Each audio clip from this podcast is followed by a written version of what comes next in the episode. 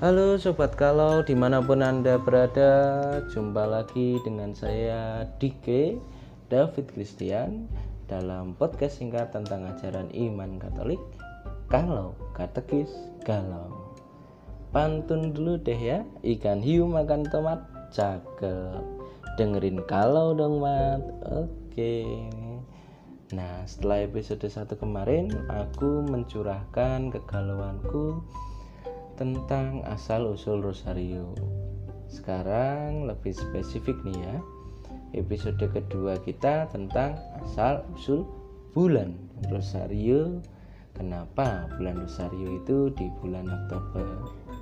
Tapi sebelumnya kita perlu tahu dulu nih bahwa ternyata tradisi gereja itu menetapkan dua bulan sebagai penghormatan terhadap Bunda Maria yaitu di bulan Mei dan di bulan Oktober.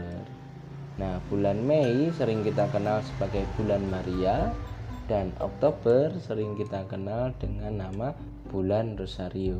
Jangan kebalik-balik ya. Nah, pada setiap bulan itu ternyata ada sejarahnya.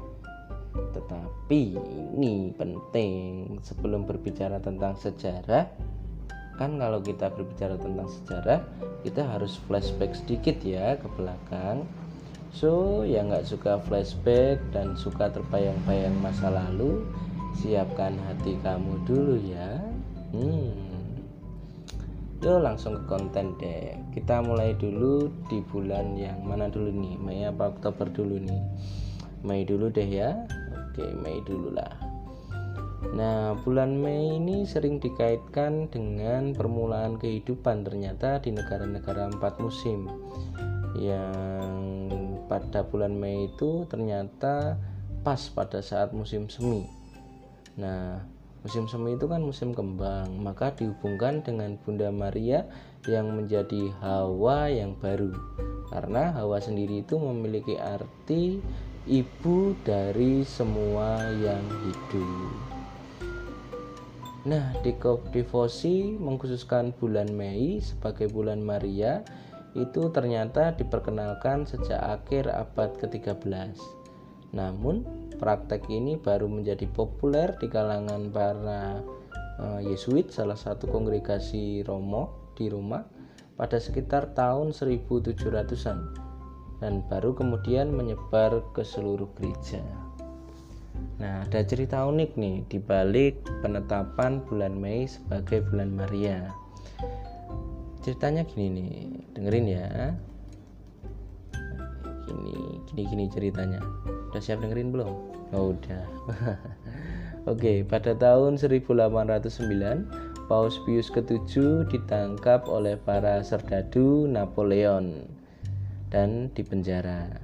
Nah, di dalam penjara itu Paus ini memohon dukungan doa Bunda Maria agar ia dibebaskan dari penjara itu. Paus berjanji bahwa jika ia dibebaskan, maka ia akan mendedikasikan satu perayaan untuk menghormati Bunda Maria. Eh, landelalah lima tahun kemudian beneran dibebaskan. Pada tanggal 24 Mei, dia bisa kembali ke rumah, ke rumahnya. Kemudian tahun berikutnya ia mengumumkan hari perayaan Bunda Maria, penolong umat Kristen. Oh, tepat janji nih. Para pria ini harus mencontoh ini dari Paus Pius ke-7 ini, tepat janji, mantap jiwa. Lanjut lagi lah, demikian devosi itu kepada Bunda Maria itu semakin dikenal karena penetapan oleh Paus Pius ke-7 tadi.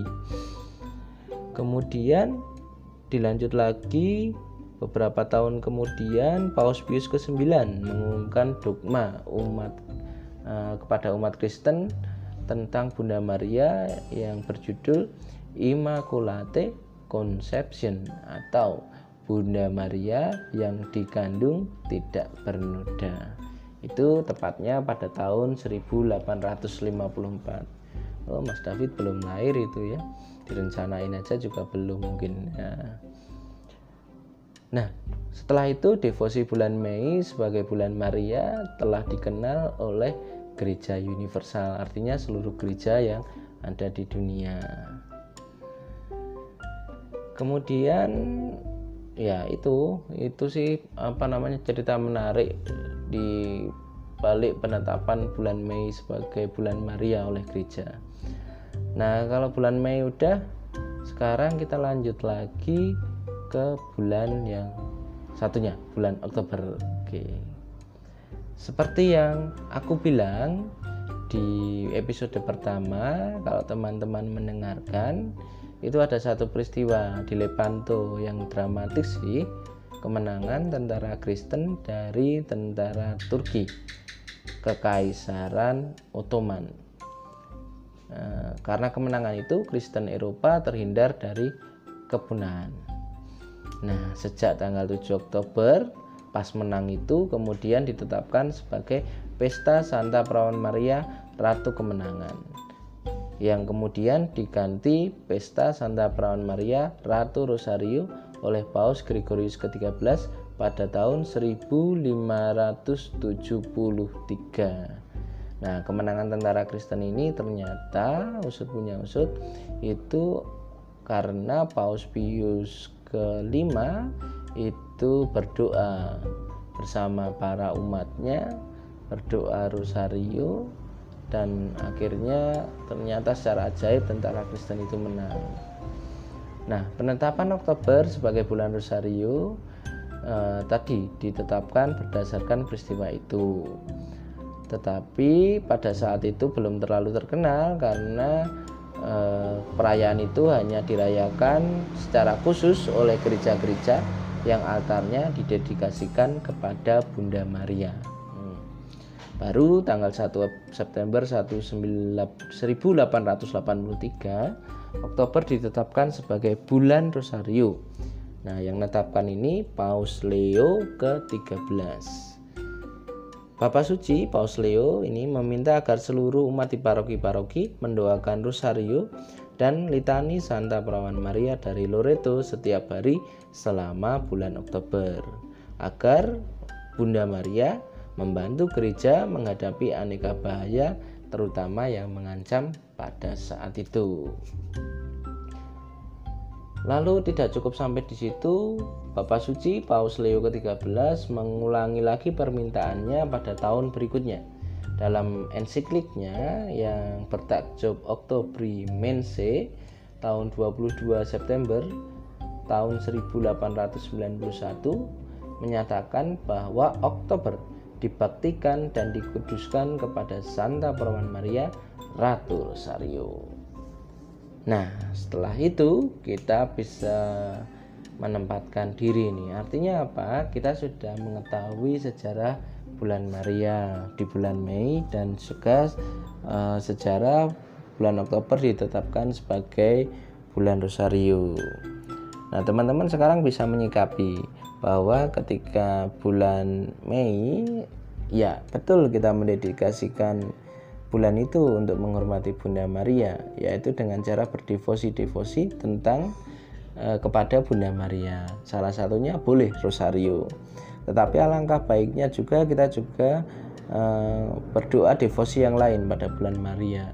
Misalkan litani Santa Perawan Maria atau novena tiga salam Maria atau bahkan mengadakan pertemuan kalau nanti sudah pandemi berakhir ya di lingkungan-lingkungan lalu membahas tentang dogma-dogma atau ajaran-ajaran Katolik tentang Maria. Nah, itu bisa tidak melulu harus rosario. Berbeda di bulan Oktober. Nah, bulan Oktober kan bulan rosario nih. Maka rosario itu wajib dilakukan. Oke, gitu aja dulu ya.